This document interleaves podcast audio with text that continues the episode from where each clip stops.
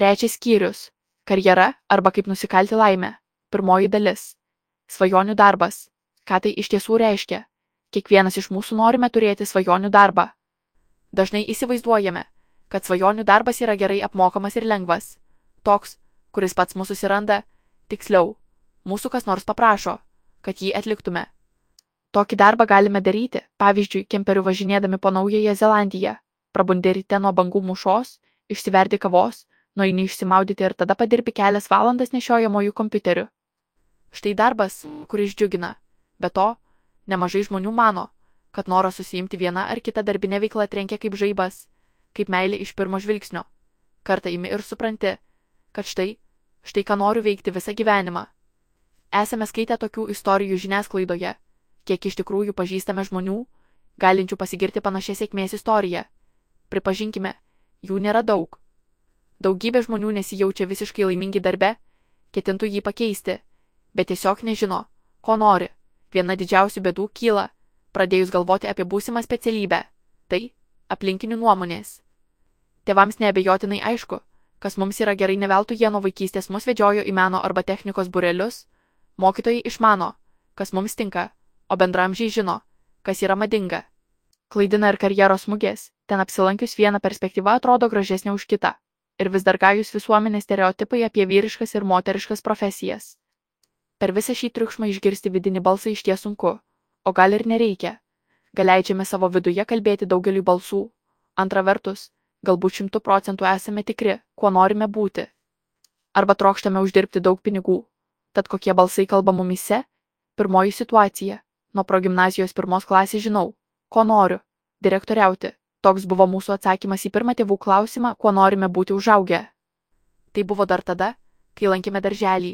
Aišku, neatsimename to, tėvai papasakojo, bet jau po keliarių metų turėjome gana aiškę viziją, kaip norime atrodyti ateityje. Mums visada patiko pasitempę žmonės. Moterys su juodais kostiumėliais, aukštakulniais bateliais, elegantiška rankinė, kurioje telpa nedidelis nešiojamasis kompiuteris. Vyrai su akinamai baltais marškiniais, mėlynais kostiumais su kontrastingais kaklaraiščiais ir blizgančiais batais. Tokie žmonės patys nesėda už vairo, bent jau darbo metu. Jie sėdi galinėje automobilio sėdynėje. Panašiai kaip valstybės galvos. Prezidentas arba premjeras. Arba Europos centrinio banko vadovas. Dėl to patys pasirinkome gimnaziją, į kurią stojome, ir tai buvo pati geriausia gimnazija mieste. Jau tada žinojome, kad stosime į prestižinį užsienio universitetą, todėl daugiau laiko skyrėme knygoms nei lakstimui po kvailus pasimatymus ar beprasmiam trinimuisi kavinėje miesto centre. Mūsų mokslams užsienyje taupė ir tėvai, ir mes. Teko ir ledus vasarą pardavinėti, ir prekybą internetu užsiimti. Dabar tai lengva. Vienur perki pigiai, kitur parduoti tris kartus brangiau. Tačiau tokie užsiemimai ne mums. Tai per paprasta. Pinigų galima užsidirbti kitaip. Ir daug daugiau. Mūsų karjera bus ties ir aiški kaip greitkelis saulėtą dieną. Studijos užsienyje, praktika žinomoje tarptautinėje kompanijoje, įsidarbinimas joje. Vėliau žiūrėsim, ar grįžti į Lietuvą. Jeigu grįšim, tai tik į vadovaujamas pozicijas. Kai tavo nuomonės klausoma, žiniasklaida skambina komentarų, o gyvenimo būdo žurnalas prie straipsnio apie sėkmingą karjerą padaro fotosesiją viešbutyje su antikvariniais baldais. Galiausiai tikrai vadovausime mažų mažiausiai kuri nors Lietuvos ministerijai, na, arba tarptautiniai organizacijai. Antroji situacija - neįsivaizduoju, ko noriu ir dėl to nesuku galvos. Troleibuso vairuotojo. Toks buvo atsakymas tėvams pirmą kartą paklausus, kokia specialybė patinka. Tėvai iki šiol juokiasi apie tai pasakodami ir patiems tas noras atrodo gana keistas. Nors, kai pagalvoji, tokios galimybės ateityje atmesti negalima. Gerai, kad tėvai vėliau siuntinėjo į pačius įvairiausius burelius, nuo dailės iki robotikos net badmintono jaunučių rinktinėje žaidėme. Vieni užsiemimai patiko labiau, kitų tiesiog nekentėme, bet manome, kad patirtis kažko davė, ko tiksliai sunku pasakyti, niekas ypatingai nesužavėjo. Tik groti būgnais tai yra mano mėgstamas užsiemimas. Subūrėme grupę, tačiau laiko jai lieka vis mažiau. Paauglystėje labai norėjosi turėti savo pinigų. Porą vasarų buvo parduotos, ko tik neteko daryti. Ir braškės skinti, ir pajūrio kavinėje indus plauti.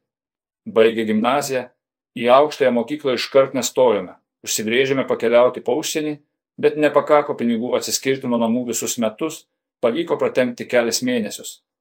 Grįžus buvo sunku rasti darbą, bet kažkaip išsisukom. Maistą pristatančio kurjerio darbas gana neblogai apmokamas, net jeigu nedirbi nuo aušros iki sutemų. Dabar studijuojame informacinės technologijas, bet ar su tuo siesime savo ateitį, dar per anksti pasakyti. Žinoma, visiems labai reikia programuotojų, jiems ir stipendiją skiria ir įsidarbinti vilioja. Pinigų taip pat nemažai būtų, bet ar mūsų širdis ten? Tikriausiai dar ne. Vis aplanko mintis, kad gal mesti visą tai ir stoti į kultūros vadybą. Galbūt nedaugiau laiko muzikos grupiai atsirastų. Apsižvalgę matome, kad aplink yra daug panašių žmonių. Žinoma, dalis jų atrodo lyg susitaikę su situacija. Pavyzdžiui, kai kurie kurso draugai mielai spjautų į programavimą, bet jie žino, kad gaus gerą darbą, pakankamai pinigų. O po 20 metų bus kokios nors tartautinės IT kompanijos vadovais Lietuvoje. Mes dėl ateities nesijaudiname, pinigų pragyvenimui visada užsidirbsime, tik dėl savo vietos pasaulyje pradedame nerimauti. Bet kada nors ateis nušvitimas tiesa. Mintys įsinešti.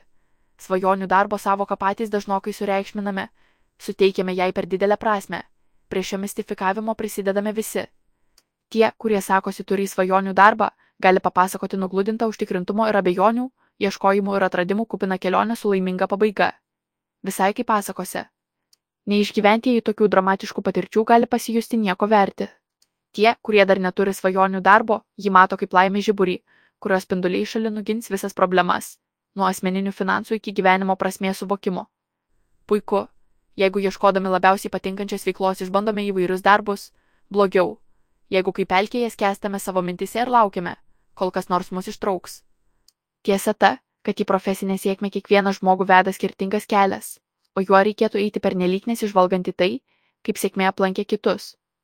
Nekartojant mantrų va, šis milijardierius net mokyklos nebaigė arba jam prireikė tik vienos geros idėjos. Gal ir man su šia pavyks iššauti. Retam likimas nutiesia raudoną kilimą. Džiugu tai, kad tyrimai rodo stiprų zie kartos ryštą patikrinti save stresinėse situacijose, mokytis, nebijoti išbandyti keletą dalykų prieš pasirenkant ilgalaikę veiklą. Dar viena puikia šios kartos savybė - suvokimas, kad atlyginimas nėra svarbiausias kriterijus renkantis specialybę, tad iš kokių ingredientų turėtų susidėti mums laimę nešančio darbo receptas. Darbas turėtų būti įtraukiantis. Jei mums bus įdomu, skirsime tam daugiau laiko, šitaip greičiausiai pasieksime geresnių rezultatų. Tai motivuos tiek mus, tiek darbdavi toliau investuoti į kompetencijas. Darbo rezultatai turėtų padėti kitiems žmonėms. Gana įspūdingas pavyzdys. Neurochirurgo profesija įvardyjama kaip viena keliančių daugiausiai streso, tačiau tyrimas JOTV parodė, kad jos atstovai jaučiasi vieni laimingiausių žmonių. Darbas, kurį atliekame gerai. Tiesiog susitaikykime su tuo, kad kai ko nemokame, bet kitkas sekasi puikiai. Stiprinkime savo stipresias pusės. Darbas, kuriame geri santykiai su kolegomis ir vadovais. Jeigu iš vakaro prasideda migrena pagalvojus apie ryte laukiantį susitikimą su ta ragana, keliaukite kitur arba keiskite situaciją. Darbas, neturintis didelių minusų. Taip, apie žemiškesnius, bet svarbius dalykus, tokius kaip neįtin ilga kelionė į darbą ryte ir vakare, mažas atlyginimas, nuolatinė baimė prarasti darbą, darbas, kurį galima suderinti su asmeniniu gyvenimu. Priverstinis ar savanoriškas darboholizmas nėra privalumas. Tai iš ties trukdo gyventi pilnavertiškai ir net nebėra madinga.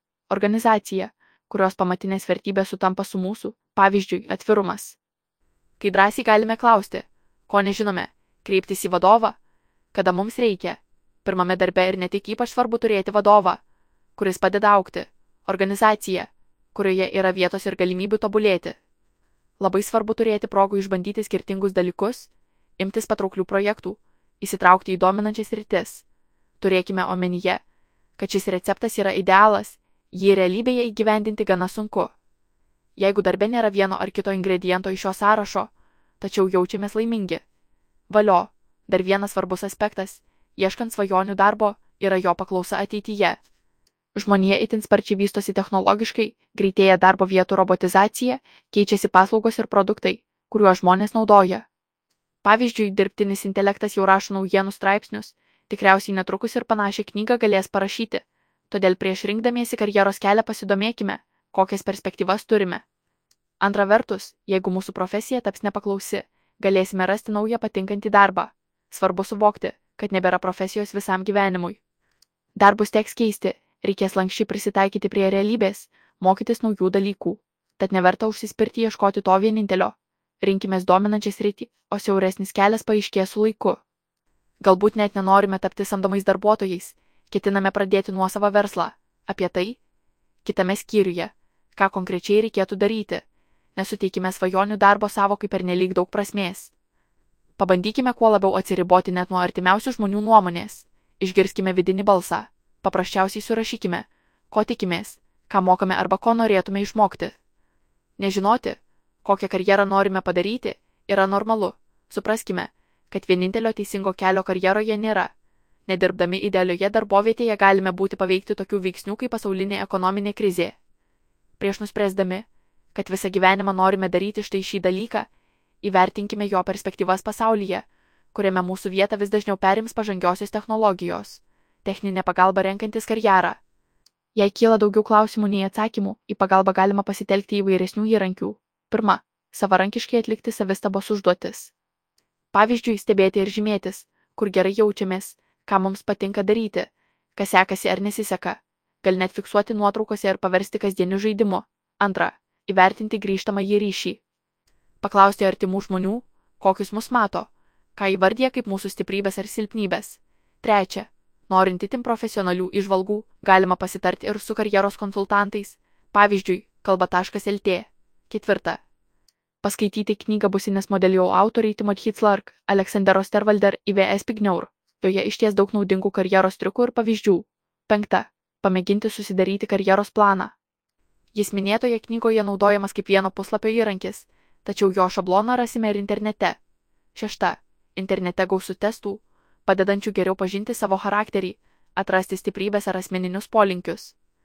Vienas tokių yra didžiojo penketo asmenybės testas. Trečias skyrius. Antroji dalis. Karjera. Tikslas ar kelionė arba ilgalaikio bei trumpalaikio darbo ypatumai. Ankstesnėme poskyryje apsibrėžėme, kad galime nežinoti, nei kas yra svajonių darbas, nei kokia ta sėkminga karjera, nei koks turėtų būti karjeros tikslas, bet galime tai suvokti ir labai anksti.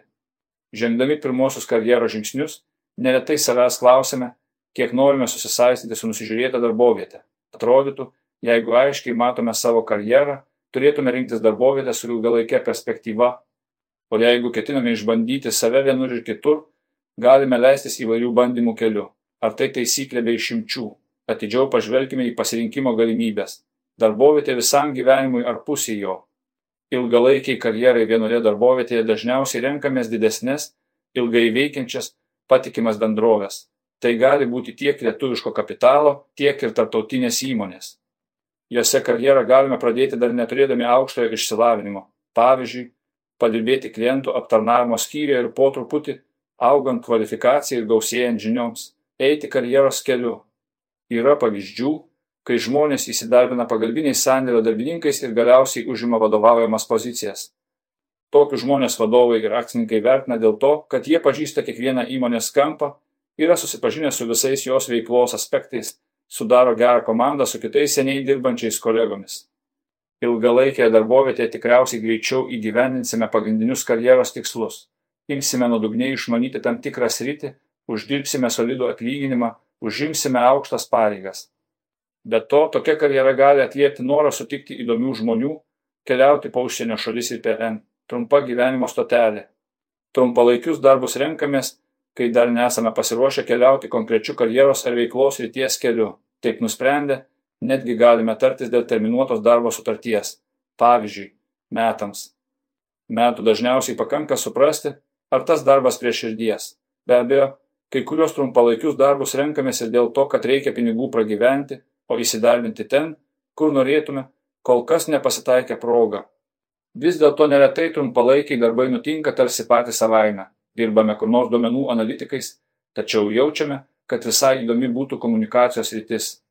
Randame darbdavį, kuriam patinka mūsų gebėjimas analizuoti, tačiau po kelių mėnesių suprantame, kad ne, vis dėlto tai ne mums ir grįžtame atgal. Nenustepkime, jeigu suplanavome per trejus metus išbandyti tris skirtingas rytis, tačiau jau pati pirmoji užkabino taip, kad nusprendėme ten likti. Visai gali būti, kad tai paliktavo mūsų vidinis balsas - papildomas darbas.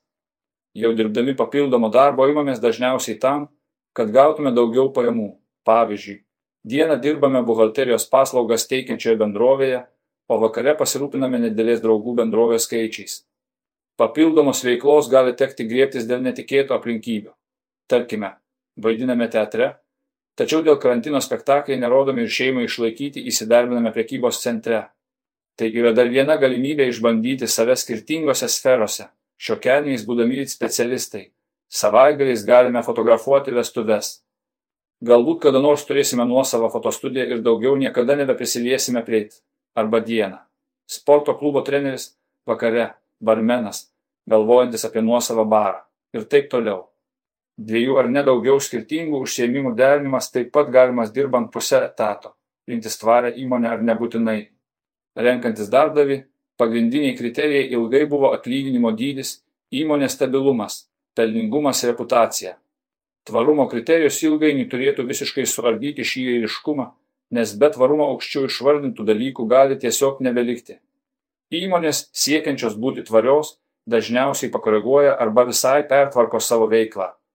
Pavyzdžiui, vykdo ją su kuo mažesniu poveikiu gamtai, sažiningai elgesi su darbuotojais ir partneriais, yra socialiai atsakingos, nes dalį savo pajamų skiria nevyriausybinėms organizacijoms, arba siūlo prie tvarumo tikslų prisidedančias paslaugas bei produktus. Be to, tvarumu besirūpinančios įmonės turi didesnę tikimybę pritraukti finansinės investicijas. Tad įmonių tvarumo siekis prisideda ne tik prie jų reputacijos, bet ir prie sėkmingos veiklos. O juk būtent tokio darbdavio ir norime, tiesa, mintis įsinešti. Karjeros suvokimas pastaruoju metu smarkiai pasikeitė. Griežtų taisyklių, tokių kaip kol neišdirbai trejus metus, iš projektų asistento nepakilsi į projekto vadovą nebeliko.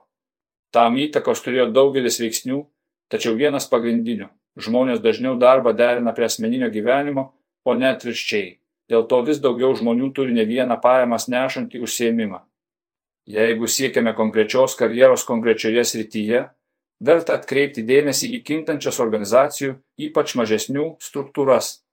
Jose mažiau itin griežtos hierarchijos daugiau poreikio palaikyti su kolegomis draugiškus santykius, jausti netokį didelį spaudimą iš viršaus. Dėl to vadovai tampa nebe nurodinėtojais, o patirties, žinių ar išvalgų dalytojais. Atsakomybė tenka daugiau žmonių, karjeros vis rečiau siekiama lipant per kitų galvas. Tikriausiai esame girdėję dažniausiai iš tėvų, kad norėdami ko nors pasiekti turime ir siekti, tačiau požiūris į karjerą kinta, pabrėžiamas ne tik tikslas, bet ir procesas. Siekdami vis daugiau, skrupulingai planuodami ateitį ir pernelyg analizuodami savo klaidas, dažnai pamirštame, kad gyvename šią akimirką.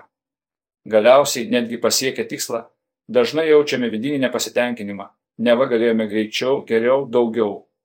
Iki šiol yra darbdavių, kurie pamatę jauno žmogaus gyvenimo aprašymą, iškart užduoda klausimą, kodėl šioje darbovietėje išdirbai tik šešis mėnesius. Jeigu priežastis ta, kad nepatiko, taip ir pasakykime. Juk tai nereiškia, kad mes pretenzingi, netliekame pavestų užduočių ar negabus. Bus nieko nuostabaus, jeigu gyvenime padarysime kelias karjeras. Vienos gali būti mėnesio trukmės, kitos tęstis keliolika metų ar dar ilgiau. Jeigu esate laimingi, jums užtenka pajamų ir galite užsitikrinti orą senatvę, karjerą netgi galite paversti savęs paieškas, ką konkrečiai reikėtų daryti. Atsižvelkime į tai, kad auksinės karjeros kelio taisyklės nėra. Nebijokime keisti darboviečių, karjeros samprata pakito. Darbuotojų kaita didesnė. Mažiau bendrovių turi vertikalę struktūrą. Karjeros pradžioje išbandykime save keliose gana skirtingose srityse. Tai nėra būtina, tačiau vertinga dėl įvairesnių žinių bagažo. Ilgesnė karjera vienoje srityje vertinga dėl gilesnės patirties įgyjimo. Darykime tai, kai sritis yra artima širdžiai ir gebėjimams. Ar žinojote, kad to penkios profesijos, kurios bus itin paklausios netolimoje ateityje. Pirma, elektronikos inžinierius. Antra, duomenų analitikas, mokslininkas. Trečia, dirbtinio intelekto specialistas. Ketvirta, kibernetinio saugumo specialistas. Šešta, skaitmeninės rinkodaros specialistas. Dešimt daugiausiai streso keliančių profesijų pasaulyje. Pirma, karys. Antra, ugniagesys gelbėtojas. Trečia, lėktuvo pilotas. Ketvirta, policininkas. Penkta, transliuotojas. Šešta, renginių koordinatorius septina žurnalistas aštunta ryšių su visuomene specialistas devinta aukščiausio lygio vadovas Dešimta - taksi vairuotojas ar pavėžėjas. Populiariausi pasaulyje pirmieji darbai. Pirmas - vaikų prižiūrėtojas. Antras - kasininkas. Trečias - laboratorijos asistentas. Ketvirtas - laikraščių išvežiotojas. Penktas - mokytojas. Šeštas - stovyklos prižiūrėtojas. Septintas - pardavėjas. Aštuntas - indų plovėjas. Trečias skyrius. Trečioji dalis. Dirbkime savo ir kitiems. Arba stabilumo išbandymai. Minėjome, kad Z karta yra drąsesnių žmonių karta, nebijanti dažniau keisti darbą, išbandyti naujų veiklų ir išeiti iš komforto zonos. Taigi, kur kas labiau nusiteikusi ir savarankiškai veiklai. Tapti laisvai samdomais specialistais ar pradėti nuosavą verslą. Per pasaulį vienai po kitos rytantis pandemijos, karantino ir geopolitinių neramumų bangoms, kai kurių verslų pamatai susviravo, daliai teko nutraukti veiklą. Z karta irgi staptelėjo ir pradėjo labiau vertinti stabilumą. Tokią tendenciją pastebėjo sociologai. Iš darbo skelbimų dingusi kadaise permaininga ekonomikos vystimasi menanti eilutė laikų mokamas atlyginimas vėl tapo aktuali.